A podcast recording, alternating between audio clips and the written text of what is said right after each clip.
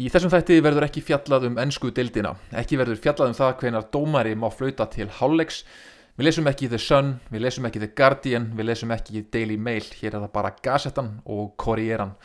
Ég heiti Björn Már Ólafsson og þeir eru að hlusta á Ítalska boltan.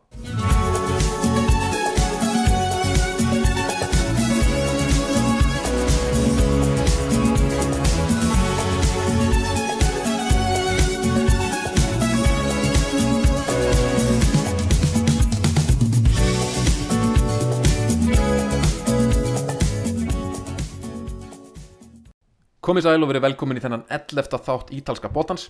Það var nógum að vera á Ítalíu í liðinni viku, jáft innan vallar sem utan. Ríkistjóttin var næstu því fallin á Ítalíu þangað til Berlusconi og myndbandsdomgæslan kom til bjargar. Róma skeitt á sig í nákvæmarslagnum gegn Lazio og ákvað sinni næsta leik að nota of margar skiptingar og Juventus er að afskrifa sig úr titilbarátunni. En þessi þáttur er sem fyrir í bóði Origo, upplýsingatekni Risans Origo og þú ert að spá í spurningunni hvernig lítur framtíð vinnu út eftir COVID þá eru sérfræðingar Origo að fullu að velta þessu fyrir sér. Skoðaði málið á origo.is þar sem þú getur skráðið á viðburðin framtíð vinnu eftir COVID með rithöfundunum og framtíðafræðingunum Graham Codrington fyrir fram 28. janúar. Og ef þú ert í fjárvinnu eins og ég eða vilt horfa á fleiri leiki í einu af ítalska boltanum þegar lífið er á stutt til að horfa bara á Crotone Benevento. Maður verður líka að horfa á Sassuolo Parma á sama tíma. Farðu í netverslun Origo og þar færðu allt sem þú þarf bæði fyrir fjárvinnuna og til að það geta multiskrínað þegar þú horfir á fótbolta.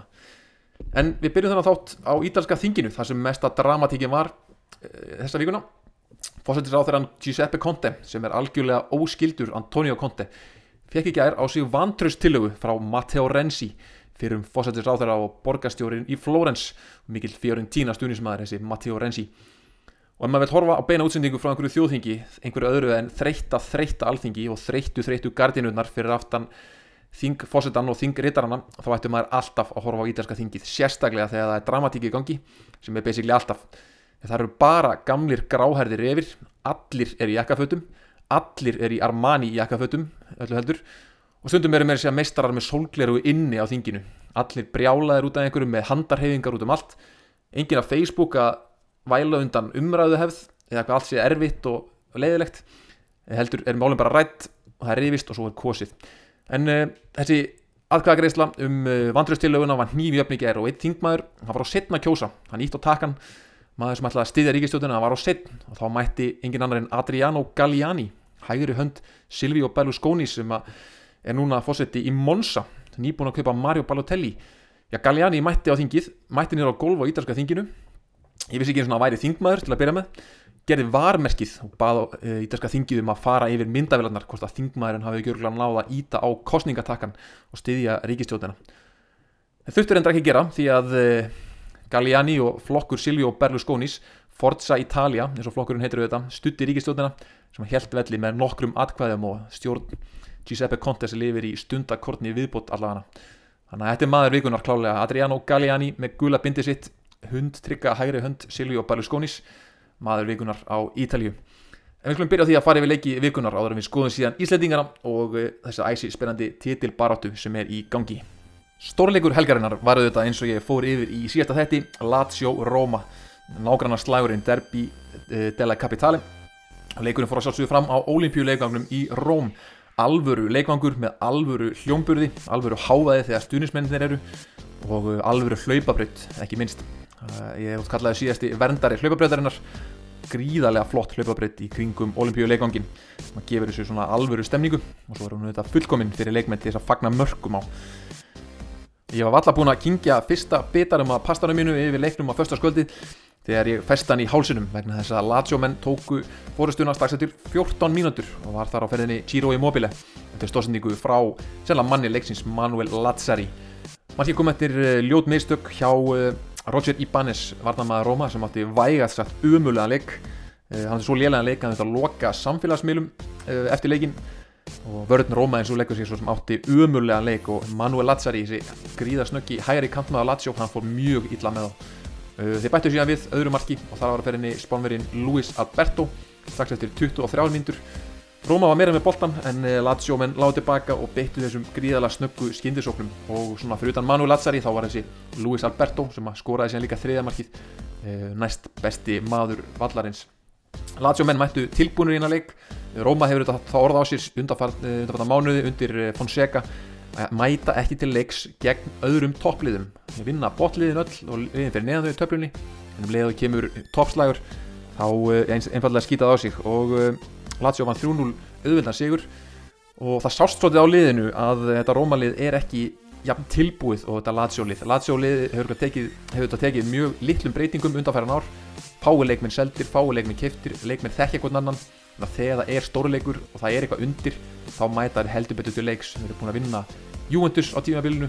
Við erum búin að unnu núna Lazio neður Róma samfærandi 3-0 Chris Smalling átti líka bæjarsatt lélegan leik. Chris Smalling sem er núna fjárfeistir í einhverju orkudrykja fyrirtæki startup fyrirtæki og hann, hún veitir nú ekki af því að drekka nokkra orkudrykki í þessum leik. Hann gætt ekkert og það var ekkert í gangi heldur sóknarlega hjá Róma þeir áttu valla skot á mark. Fyrir bara alveg í blá lokin og voru aldrei líklegi til þess að skora. Þannig að það eru, það eru það blái hluti Rómaborgar sem að uh, fór fagnandi inn í þessa helgi og eh, vandræðin heldur sér áfram hjá Róma núna í þessari viku því að liði mætti Spezia í byggjatum í gerkvöldi þegar þetta tekið upp. Og uh, já, töpuðu þar í framlengingu gegn eiginlega varaliði Spezia. Róma stilt upp uh, nánað sínu sterkasta liði nema að kvildu Edin Dzeko og Borja Majoral spánuverinn byrjaði upp á topp. Og Spezia kvildi leikmenn spilaði vel með bjeliðið sitt Spezia komst í 2-0 áður en Róma náði að jafna leikin uh, alveg sent í leiknum. Og leikunum farið framleikingu þar tóku við uh, algjör, algjör að trúða mínútur eiginlega af uh, hálfu Róma fyrst uh, Mancini varna með að Róma raut spjald fyrst annarkula spjald. Fyrir brot Spezia tekur aukarspilnuna 5 sekundur síðar sparkar, hittir markmaður Róma ekki boltan við fæturum og sparkar frekar í varnamannin og fær líka raut spjald sem sagt tvöruð spjöld með aðeins hálfa mínundinu millibili. Róma ætla þá að gera skiptingar og ákveður að gera þá tvær skiptingar. Þannig að þeir búin með fjóra skiptingar þeir vissi að þeir ættu fimm skiptingar og heldur síðan að þeir ættu eina auka vegna þess að þá komið framlenging. Það áttu þeir eins og er ekki dómarinn reyndar, þeir spuru dómaran og dómarinn leiði þeim það en þetta er auðvitað harfbannað ómarga skiptingar þannig að leikurinn var raunni tapaður strax þarna en, og tveimur leikmennu færri þá tókst síðan Spezia þess að tókst Róma auðvitað að fá á sér tvö mörg og Spezia vann þetta bara frekar góðan sigur í framleggingu fjögur tvö og síðasta markið var líka í gjörsumum heimsklassa. Ricardo Saponara sem kom nýlega á lán frá Spezia leikmaður sem hefur áðurspilað með Asi Milan og Fiorentina svona leikmaður sem er góður þegar hann á sinn dag. Hann skoraði með gullfalleri chipu eh, yfir eh, þriðja markvörð Róma sem var í markinu þarna eftir eftir að þessi fíasko þannig að já, uh, það spurning hvort að þessi leikur endi verið demtur uh, skrippborðsigur fyrir spetsi eða hvort að þessi úslitt fá að standa. Þetta er þó annað skrippborðstap Róma á tímabilinu. Þegar þetta uh, gerur jafntöfli við Hellas Verona í fyrstu umferð en þar voruði með leikmann vittlust skráðan. Þannig að þeir töpuðu þeim leik 3-0 og uh, það er uh, mæðir mikið á uh, bæði þjálfara Róma, Pálo Fonseca. Það eru einhverjir sem vilja fá hann í burtu staðan er eins og að þannig að þeir eru í fjórðarsætinu eh, eða fymtarsæti og þeir eru fyrir ofan Júvendus í meistarleta baróttu án þess að kannski eiginlega vera með hópin í það þannig að um, tótt að þetta líti hrigalega illa út og þótt að þeir hafi já, hafi sé ekki að standa sig í þessum toppleikjum þá er það frekar eitthvað sem við þurfa bara að bæta. Og ég hef ekki vissum að sé gerin eitt gagn að vera að reyka þjálfvara núna nema hann sé algjörlega búin að, að missa tröstið en um, fyrir uh, okkar maður Andri Fannar kom ekki við sögu hjá Bologna sem vann sterkan og kannski svolítið óvendan fyrst mér. 1-0 sigur á Hellas Verona þar sem Bologna var miklu sterkari aðlinn uh, Bologna er komið aftur með nokkra leikmenn úr meðslum og uh, mæði þá kannski mest á Riccardo Orsolini. Uh, þessi byrjum úlingarlandsleismadur Ítalju sem átt að verða stór stjarnar var í eigu Juventus á sínum tíma. Hefur kannski haft að orða á sér að vera ekki alveg með hausinn á réttum stað en uh, hann vil komast á EM, á næsta, eh, EM núna í sumar þannig að hann skoraði einamark leiksins og uh, já, hann verður að eiga hérna, hann verður að eiga góða leiki ef að Bologna ætla sér yfir höfuð að gera eitthvað að þessu tímabili. Og hann, uh, þeir eru konið líka með Robert Skov-Olsen aftur að byrja að bekknumrindar þessum leik leikmaður sem að, já hvað, hálsbrotnaði í leik gegn Íslandingum á lögadalsvelli á síðasta ári. Og já, hann segi Andri kom ekki inn á þessum leik og Bologna er búið að fá svolítið mikið af leikmennum aftur úr, uh, úr meðslum þannig að það er spurning hvort hann sé að fara að spila mikið á næstunni. Við veitum að vonum það besta. Og það er þétt leikjaprogram svo sem framöndan út af COVID og allt það. Þannig að það er nú kannski líklegt að við fáum eitthvað að sjá hann. Vonum það allavega. Nú, annar leikurinn á lögadaginn var Torino Spezia. Og það reyndist líka örlaga ríkur leikur. Uh, Torino, þetta búið að vera í tómi barsli og uh, Marco Giampaolo, þjálfari Torino búið að vera undir mikilli pressu með náttúrulega í fallseti þetta ja, frekar vel mannaða lið og lið sem á alls geta að vera í fallseti og uh, það byrjaði vel á Torino vegna þess að varnamæður Spezia fekk raugt spjald eftir aðeins 8 mínútna leik fyrir ljóta tæklingu. Og heldur nú menna að þetta væri komið fyrir Torino en uh, Spezia manni færri í já, 82 mínútur. Þeir held út og leikurinn endaði 0-0 og það voru mér að segja Spezia menn sem áttu best, bestu færin í leiknum og Torino tókst bara að eiga eitt skot á markið manni fleiri í 82 mínútur. Þetta er í fyrsta skipti frá árunni 2013 sem lið með uh, manni færri í meir en 80 mínútur og nær samt stígi út úr leiknum. Og þetta var sérstaklega áður en Spezia slóð síðan Róma út úr byggandum þannig að þetta er búið að vera góð vika fyrir Spezia og fyrir þjálfvaran Vincenzo Italiano. Þennan, já, núna öruglega mjög eftirsóta þjálfvara sem hefur tekið þessa serju A uh, algjörlega sterkum tökum eftir að hann kom þessu liði upp. Uh, og spurning hvort að hann fari ekki að fá tækifæri hjá stærra liði strax eftir sumari því ég býst við því. Og eftir leikin var Marco Giampaolo loks rekin og þetta er núna annað tímabilið röð þar sem hann um, er rekin frá liðinu sem hann byrjað með. Fyrra byrjaði hann við það tímabilið með AC Milan og var rekin eftir einhverja 6-8 leiki. Uh, og núna var hann hann hendar nánast nánast hálf tímabilið en var á lókum rekin og ekkert annað hægt að gera ekkert þetta. Kvartan eitt yfir því í rauninni. Og það er spurning hver tekur við. Uh, heldur sér ekki komið á hreint eða þá þeir eru með leikmanna efni viðinn, tórunumenn til þess að halda sér uppu auðvitað en uh, þeir þurfa að fá einhvern þjálfara einn sem getur barið sjálfströsti inn í leikmannahópin Annars spennandi leiku síðan á lögadagin var Sampdoria Udinese. Uh, það var Udinese menn lánlausir Udinese menn sem komist yfir og það var að fyrir henni auðvitað. Rodrigo de Paul sem heldur áfram að vera allt og góður fyrir þetta lið. Uh, hann virðist þér að spila til að reyna að fá eitthvað move í annað lið. Hann hefur, er fann að tala á þeim nótum að hann vilji komast annað. En það virðist ekki koma, ég veit ekki alveg hvað það er. Spurning hvort hann býði aðeins lengur og, og býði þetta samningur renn út eða hvað hann þarf að gera til að losna frá út í nesi það kom liðin yfir áður en Antonio Candreva jafnaði með Panenka-víti glæsilegu Panenka-víti og síðan undir lokin skipti Claudio Ranieri inn á fyrir Sampdoria nýja leikmanninum Ernesto Torregrossa maðurinn sem að Sampdoria kipti fyrir viku síðan frá Brescia. Það spilaði áður með Birki Bjarnasinni og Holmberti Aroni hjá Brescia. Uh, þetta er frammerið sem hefur spilað lengi í neðri dildum uh, hann er orðin 28 ára gammal á uh, föður sem var aðdurumar í knastbyrnu og móður sem var aðdurumar í Blaki. Hefur spilað með liðið á borðu við Verona, Siracusa, Monza, Como, Lumezzane, Crotone, Trapani og Brescia spilað með Brescia svo sem í aðdeldinni á síðast ári. En er núna búin að fá múfið upp um deild. Þetta með langt sítt hár, ekkit hárband eins og leikminni að vera. Hann kom inn á í sinu fyrsta leikur Sampdoria og skoraði sigumarki með glæsilegum skalla og mjög sterkur sigur fyrir, fyrir Sampdoria gegn lánlausum út í nesumönnum og gaman að sjá þennan svona þessa neðri deildar bombera koma upp í eftir deild fálóksins tækifæri 28 ára gamlir í alvöru liði og standa sig vel. Ég, við höldum öll með Ernesto Torregrossa, stóri turnin frá Brescia. Sunnudaginn mættu síðan Napoli og Fiorentina og það var heldur betur einstefna. Napoli vann á hendarum 6-0 sigur það var svolítið skrítinleikur það var leikur þar sem uh, uh, Napoli menn skoruð úr öllum sínum færum en ekkert gekk upp hjá Fiorentina uh, sóknarmenn Napoli leikuði hvert sem fingur, sérstaklega Lorenzo Insigne sem var stórkostlegur Hirving Lozano, Mexikóin sem skoraði og letti sér hann í ljótu samstuðu við markvörð Fiorentina held að hann væri fótbrotinn, held að allir hafi litið undan þegar þeir sáu þetta samstuðu í sjónvarpinu en ótrúlega hátt á verið hann ekki hafa meðst eða fótbrotna og uh, síðan var líka Piotr Sielinski pólski miðjumæðurinn hjá uh, Napoli sem var geggjaður í þessum leik. Og uh, svona heilt yfir eru Napoli stundismenn það ánaði meðan þeir telja hann kannski vera leikmann tímabilsins hjá Napoli. Og hann hefur líka verið orðaður við ennstæri lið bæði á Englandi og líka á Ítali uh, Piotr Sielinski hafa verið mikla vonir bundan við, bundan við það þegar hann kom til Napoli á sínum tíma. Tóka svona tímabila hann lág upp þessum stöðuleika, stöðuleika sem hann er búin að ná núna. Mjög skemmtilega leikmaður og geggja hans skotfót. Þannig að 6-0 og Fiorentina menn það gekk ekkert upp hjá þeim og Frank Ribery let skipta sér út að bara í hálfleik. Staðan var þá orðin hvað 4-0 þannig að það er kannski skilinlegt að hann sagði þjálfvarna að hann endi þess ekki lengur og var skipt af velli þetta var ansi gamall og tilgangslust að hafa hann inn á að láta hann spila leik þar sem hann geti auðvitað meðst en uh, næstu leikur var svo nýlegaðslagurinn Crotone Benevento.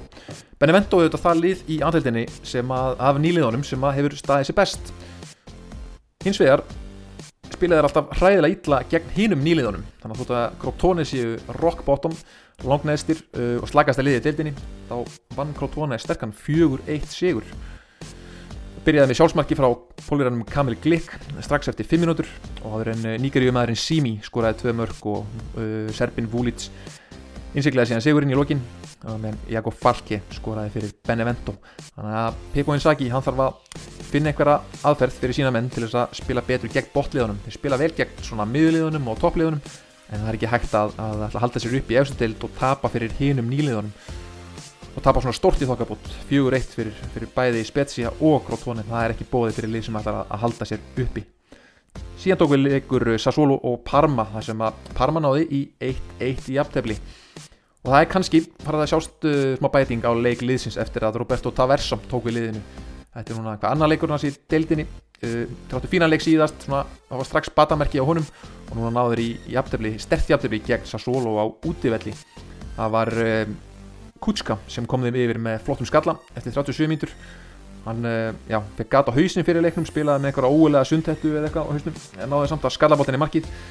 Uh, en það var svo Filip Djuricic sem að uh, jafnaði leikin fyrir Sassolo á 92. mínútu úr viti gríðilega svekkjandi fyrir Parmamenn að ná hreinlega ekki að sigla sigrinum heim og Parmamenn þeir eru að styrkja liðið eins og ég hef talað um að þeir þurfa að gera. Þeir eru núna að sæna allan á láni Andrea Conti, hægri bakur frá AC Milan. Þetta er fyrir úlingarlandsleismæður sem var miklar vonir voru bundan við.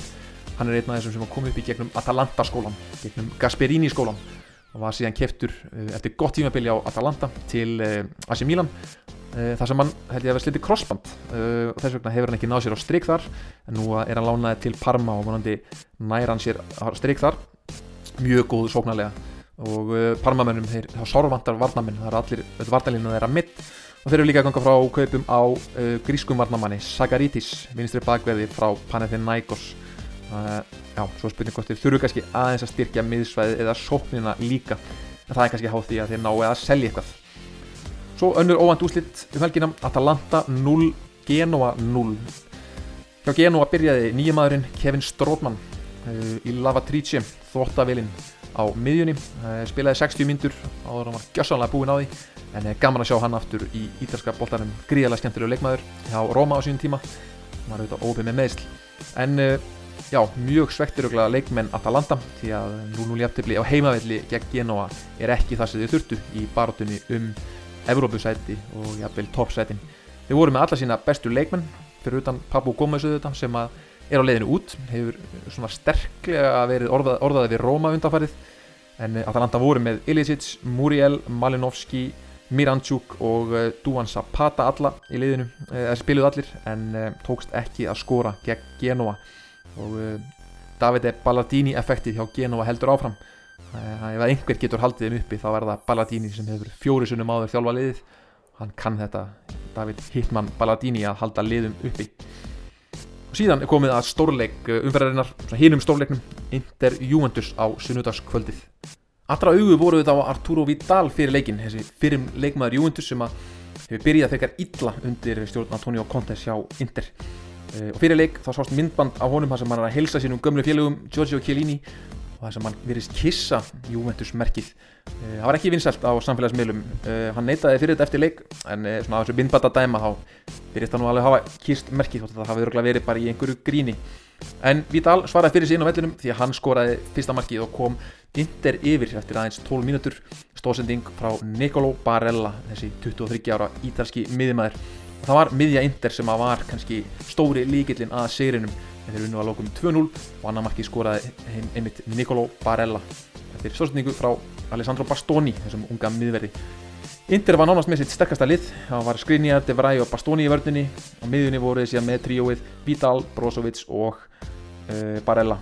Og meðan Juventus spiluði 4-4-2 þeir voru konum með Chiellini aftur í liðið. Vildum eftir að hafa einhvern stóran skrokk til að klíma við eh, Lukaku hjá Inter. Uh, hann og Bonucci voru í vördunni fara botta vinstra megin Danilo hæra megin svo voruð þið með Rabiot Bentancur á miðunni, Ramsey vinstri, Chiesa hægri og Ronaldo og Morata upp á topp. Og það virtist sem að það vantaði allt kreativity í þetta Juventus lið því balaði þetta mittist í síðasta leik og það vantar einhvern sem getur búið eitthvað til. Þessi miðja, uh, uh, Bentancur er fýtt varnalega og getur dreift spila aðeins en það er ekki leikmaður sem er að senda þessar uh, sendingar sem að við þekkjum Dybala fyrir. Og Rabiot líka náði sér ekki á stryk og þessi intermiðja náði virkilega að loka vel á Juventus. Það vakti líka smá aðtegli þegar menn fór að skoða svona taktík og hvernig liðin voru að spila. Interauðað eru þekkti fyrir þetta innfalda uppspil sitt, langur bolti upp á uh, Lukaku sem leggur boltan tilbaka á Martínez sem að stingur síðan inn fyrir. Þetta er eitthvað sem við séð uh, allt tímabilið hjá Inter. Við sáum þetta á Antonio Conte hjá Chelsea. Spilu upp á stóra frammeran sem leggur hann tilbaka á litla frammeran en þessu, í þessum leik þá virtist sem að Lukaku og uh, Lautaro Martínez væru valla að spila saman. Þeir voru, já, gáðu mjög lítið á hvern annan og voru ekkert mikið að finna hvern annan hvorki í stungusendingar eða í layoff.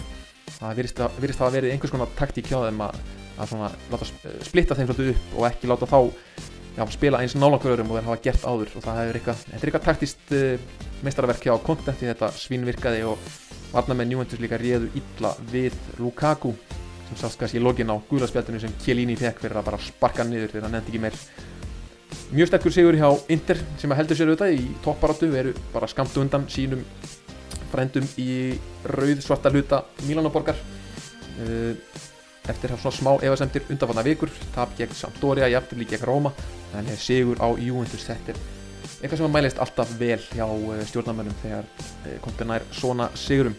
Og eh, með allt liðið náttúrulega heilt það er spurning hvort þið takir eitthvað inn núna í janúar það er stutt í að glukkin fara að loka en það var svolítið ekki von á því. Það er orðrómatnir um Graziano Pelle eða Eder þeir hafa svona aðeins kólnað. Það verið sem að þeir séu bara á það góðum launum þar sem þeir eru þannig að þeir eru ekki fara að koma.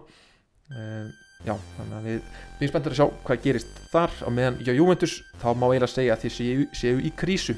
Og einhver vil, vil jafnvel ganga svo langt að afskrifa þá algjörlega út títilbaratunum þegar þetta er orðið já, meir en uh, tíu stig.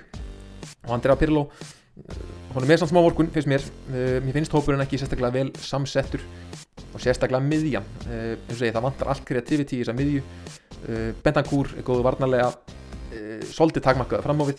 Ramsey er svona on and off, hann er ekki alveg í þessum hæsta gæðaflokki það kemur að, að eh, því að búa til færi og svo leiðis og Rabiot líka, allt of óstöðugur hann er ekki stöðuleika í sinnleik og Weston eh, McKennie, bandarækjamaðurinn sem hefur átt fína leikin á milli, hann er samt kannski ósvipaður Bentancur fyrst mér, svolítið mikil hlaupa að geta góðu varnarlega, tekur hlaupi sem hann á að taka en uh, hann er ekki leikmaður sem er að fara að búa mikið til. Uh, og það kannski aðalega Dejan Kulusevski sem kom inn á þessu leik. Kannski alveg hann sem getur breytt leikjum aðeins. Hann var fítið hann að koma inn á og er sprækur og ætti kannski að spila aðeins meira. Og uh, það var ekki bara svona leikurinn heldur líka pressan hjá Juventus sem var ekki nóga góð í þessu leik.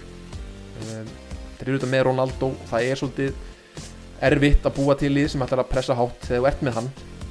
Hann var svo sem dúluverið í þessu leik og reyndi sitt besta en þetta er bara leikmaður sem, að, sem þú vilt ekki að sé allan tíman að eða orkunni sinni í hápressu. Þannig að Pirlo er smá vorkun uh, ég hef ekki séð að Juventus sé með heldur að fara að taka inn einhverja, einhverja sérstakka leikmenn. Uh, það er spurning hvort þeir jafnvel bara núna að innbytja sér enn meira að mistradeldinni þeir eru þetta ennþá í séns þar og við sáum það nú að mistradeldinni í fyrra í COVID að uh, já, það er svona geta það eru margt getur gerst þar. Þeir tellir sér kannski eiga möguleika þar til að spara sig aðeins og, og reyna að sækja loksins mistradeldar titilinn og áður en það verði síðan öruglega gerða breytingar uh, fyrir næsta tímabil. Uh, og spurning hvort það sé ekki öruglega Ronaldo sem að hefði einhvern veginn komið í burtu. Uh, það er svona aðeins talað um það á Ítalíu að hans tími sé komin hjá Juventus sérstaklega þeir alltaf reyna að þróa leiksinn. Þeir eru rosalega háður því að það sé hann sem að skori mörkin. Annar leikmaður sem að góri þessu leik þá var Hakimi hægri vang bakverður Inter. Og maður sá það líka sérstaklega eftir leik þegar myndavélarna voru á Ronaldo, hann var fljótur að rölda upp að Hakimi og, og að því að virtist Rósónum vel fyrir sína framistuða, hann var mjög hrifin að Hakimi hérna, sem að var að mynda dekkan stóran hluta leiksins. Þetta var mikið áfall fyrir Juventus en eh, stert hjá Inter uh, og svo á mánudaginn þá var síðasti leikur umferðinnar þegar Cagliari tók á móti AC Milan. Og AC Milan með Zlatan aftur í liðinu unnu 2-0 sigur, sterkan sigur. Þetta AC Milan lið, þetta er eins og lið sem er að spila í Mario Kart og það er einhver keppinautur sem er alltaf að henda bananahýðum fyrir framan á en þeir ná alltaf að sveia undan. Það er álið sama hvað þrautir þú leggur fyrir þetta AC Milan lið hvaða leikmenn er í banni, hvaða leikmenn er mittir hvaða leikmenn er með COVID? Þeir ná alltaf að kreista út sigra. Zlatan skoraði bæði mörkin í þessu leik eitt úr viti og eitt úr opnuleik og hefði nú getað sett þrennu líka. Þeir fengu síðan rautspjald belgin Alexis Salemakers hljómar eins og belgisku hjórriðamæður hann, hann fikk rautspjald, kom inn á og fekk rautspjald á aðeins 6 mínúnda kabla en Kaljari menn náðu ekkert að sækja eftir það, þetta væri manni fleiri. Þetta var nokkuð örugt. Asi Milan eru konu með tvo nýja leikmenn. Eitt leikmenn, Sualihu Meite sem þið kipti frá Torino sem kom inn á þessu leik. Þetta er bara svona varnasinnaður miðjumæður sem er ætlað að leysa af þar. Gefa svona leysa af því nokkran mínútur. Fýll leikmæður hefur áður verið orðaðið við stærri lið heldur en Torino og fínt að hann fekk loksins múfið. Hann var fýtt í þessu leik og svo er þetta búið að kaupa Mario Mandzukic. Og það er leikmæður sem var sérstaklega pantaður af Zlatan. Zlatan var mjánaði með að fá hann inn. Mandzukic auðvitað vann titla með Juventus. Gríðalegt skap, gríðalega mikla, mikla sigur hefð og uh, hjá Juventus var hann auðvitað bæði framherri en endaði síðan rauninni ferilið þar sem kantmaður uh, undir stjórn Allegri svo fann að spila á vinstri kanti. Alltaf mættur á fjárstung, skallaði inn þar gríðalega vinnusamur og getur nánast leist sko, bakvörðin hefur því að skipta. Það er mjög gaman að sjá hann aftur í ídarska boltanum og, og uh, Asimíla menn með þetta unga og óreinda lið fyrir utan slatanu þetta þeir eru að sækja reynslu. Og þetta, þessi kaup að fá Mandsúkits í liði núna þetta eru svolítið eins og kaup eins og Inter hafa verið að gera. Þetta er ekki kaup til þess að byggja upp til framtíðar þetta eru kaup til þess að reyna að vinna títilinn núna það er núna sem þeir hafa möguleikan þetta er metnaður, þetta er metnaður sem maður vil sjá í liðum. En þetta var ennitt bananahýði sem þeir runnu ekki á Mílanamenn. Uh, ég hef vel þótt að Kjær, Simon Kjær hafa farið mitt úr út af uh, Alessio Romagnoli uh, varnamæður hjá þeim veður í banni næsta leik, það er ennitt banana hýðið en ef maður tekkið á rétt þá munum við ekki renna á því heldur. Uh, Theo Hernández var ekki með þessu leik. Hún verið auðvitað besti vinstri bakverður uh, kannski heims síðast árið hann var ekki með, uh, heldur var það Diego Dalot sem er alveg frá Manchester United sem spilaði í vinstri bakverðunum og svona slapp með skrekkin var þokkalegur bara. Þannig að það er Milan, Asi Milan sem að tróni þá á toppnum uh, eftir þessa umferð. Um, eru þreymur stígum og undan fjendum sínum í Inter sem eru með 40 stíg Napoli skutt upp í þriðasæti og eiga leikti góða, Róma í fjórðasæti Atalanta í fymtasæti Juventus allarlega niður í sjötta sæti að vísum með leikti góða gegn Napoli Lazio í sjöndasæti Sassuolo áttunda Hellas Verona í níundasæti og Sampdoria tíundasæti okkar menn í Bologna í tóltasæti og eftir Benevento sem kemur Spezia, Fiorentina, Udinese Genoa fyrir ofan fallseti Cagliari í 17. Torino búin að reyka þjálfvaran í 18. seti Parma í 19. og Crotone í síðasta seti, 20. seti með sigrinu sínum um helgina eru þeir núna aðeins stíi á eftir þannig að það er mikið spenna í deildinni og sérstaklega í toppbaratunni þá skulum við renna aðeins yfir Íslendingana hvernig þeim gekk í, á Ítalju þessa vikuna. Og við byrjum í Feneum því að Venezia mætti Pordenone á útivelli og töpuðu 2-0 Bjarki Steitt kom inn á og spilaði síðasta korterið. Óta Magnús uh, spilaði ekkert og uh, það er kannski ekki góða frétti fyrir hann heldur að Venezia voru að bæta við sig öðrum framherja. Þeir voru að fá á láni Sebastiano Esposito. Og uh, hann kannast einhverju við. Þetta er ungstyrni frá Inter sem hefur komið inn á í nokkrum leikjum hjá Inter síðustu ár. Hann hótt tímabilið að láni hjá Spal í bjöldinni, spilaði tíu leiki og skoraði aðeins eitt mark. En var kallaði tilbaka og lánaði núna út til Venezia þannig að það er komin enn eitt framherinn í samkeppnina um uh, framherjastöðunar hjá Venezia. Við vonum, nú að Óttar haldi honum út úr liðinu.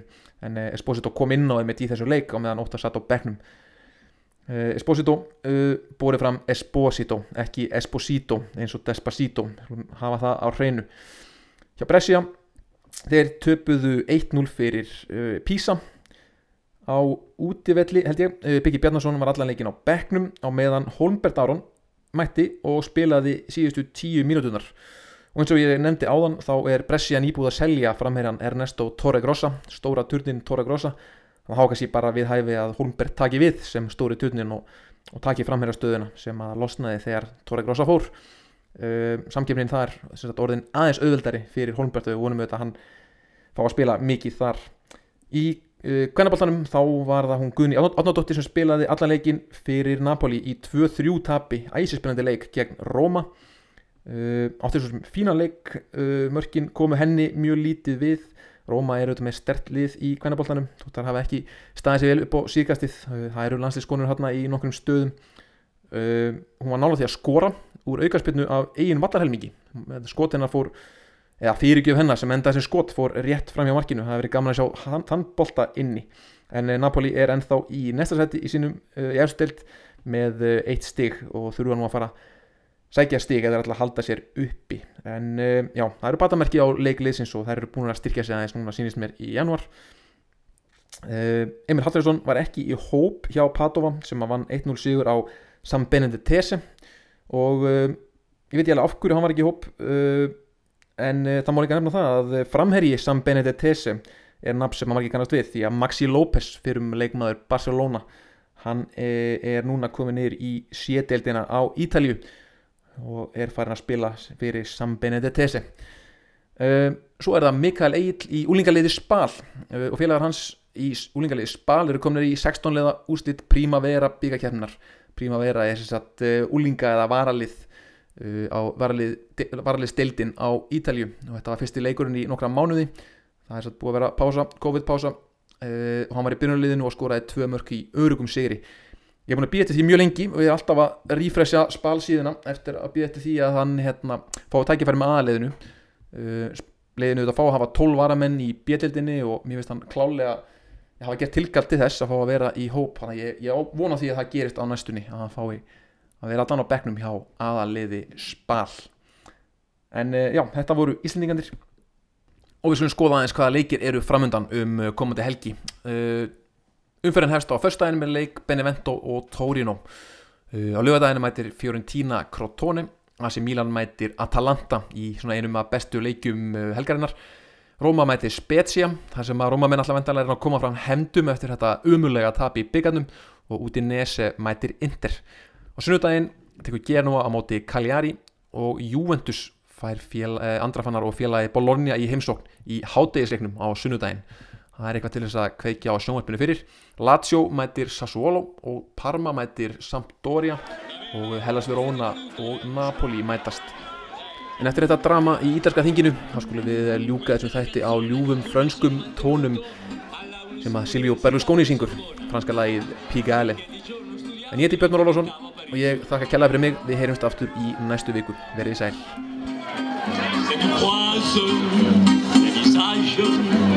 Comme le sensationnel.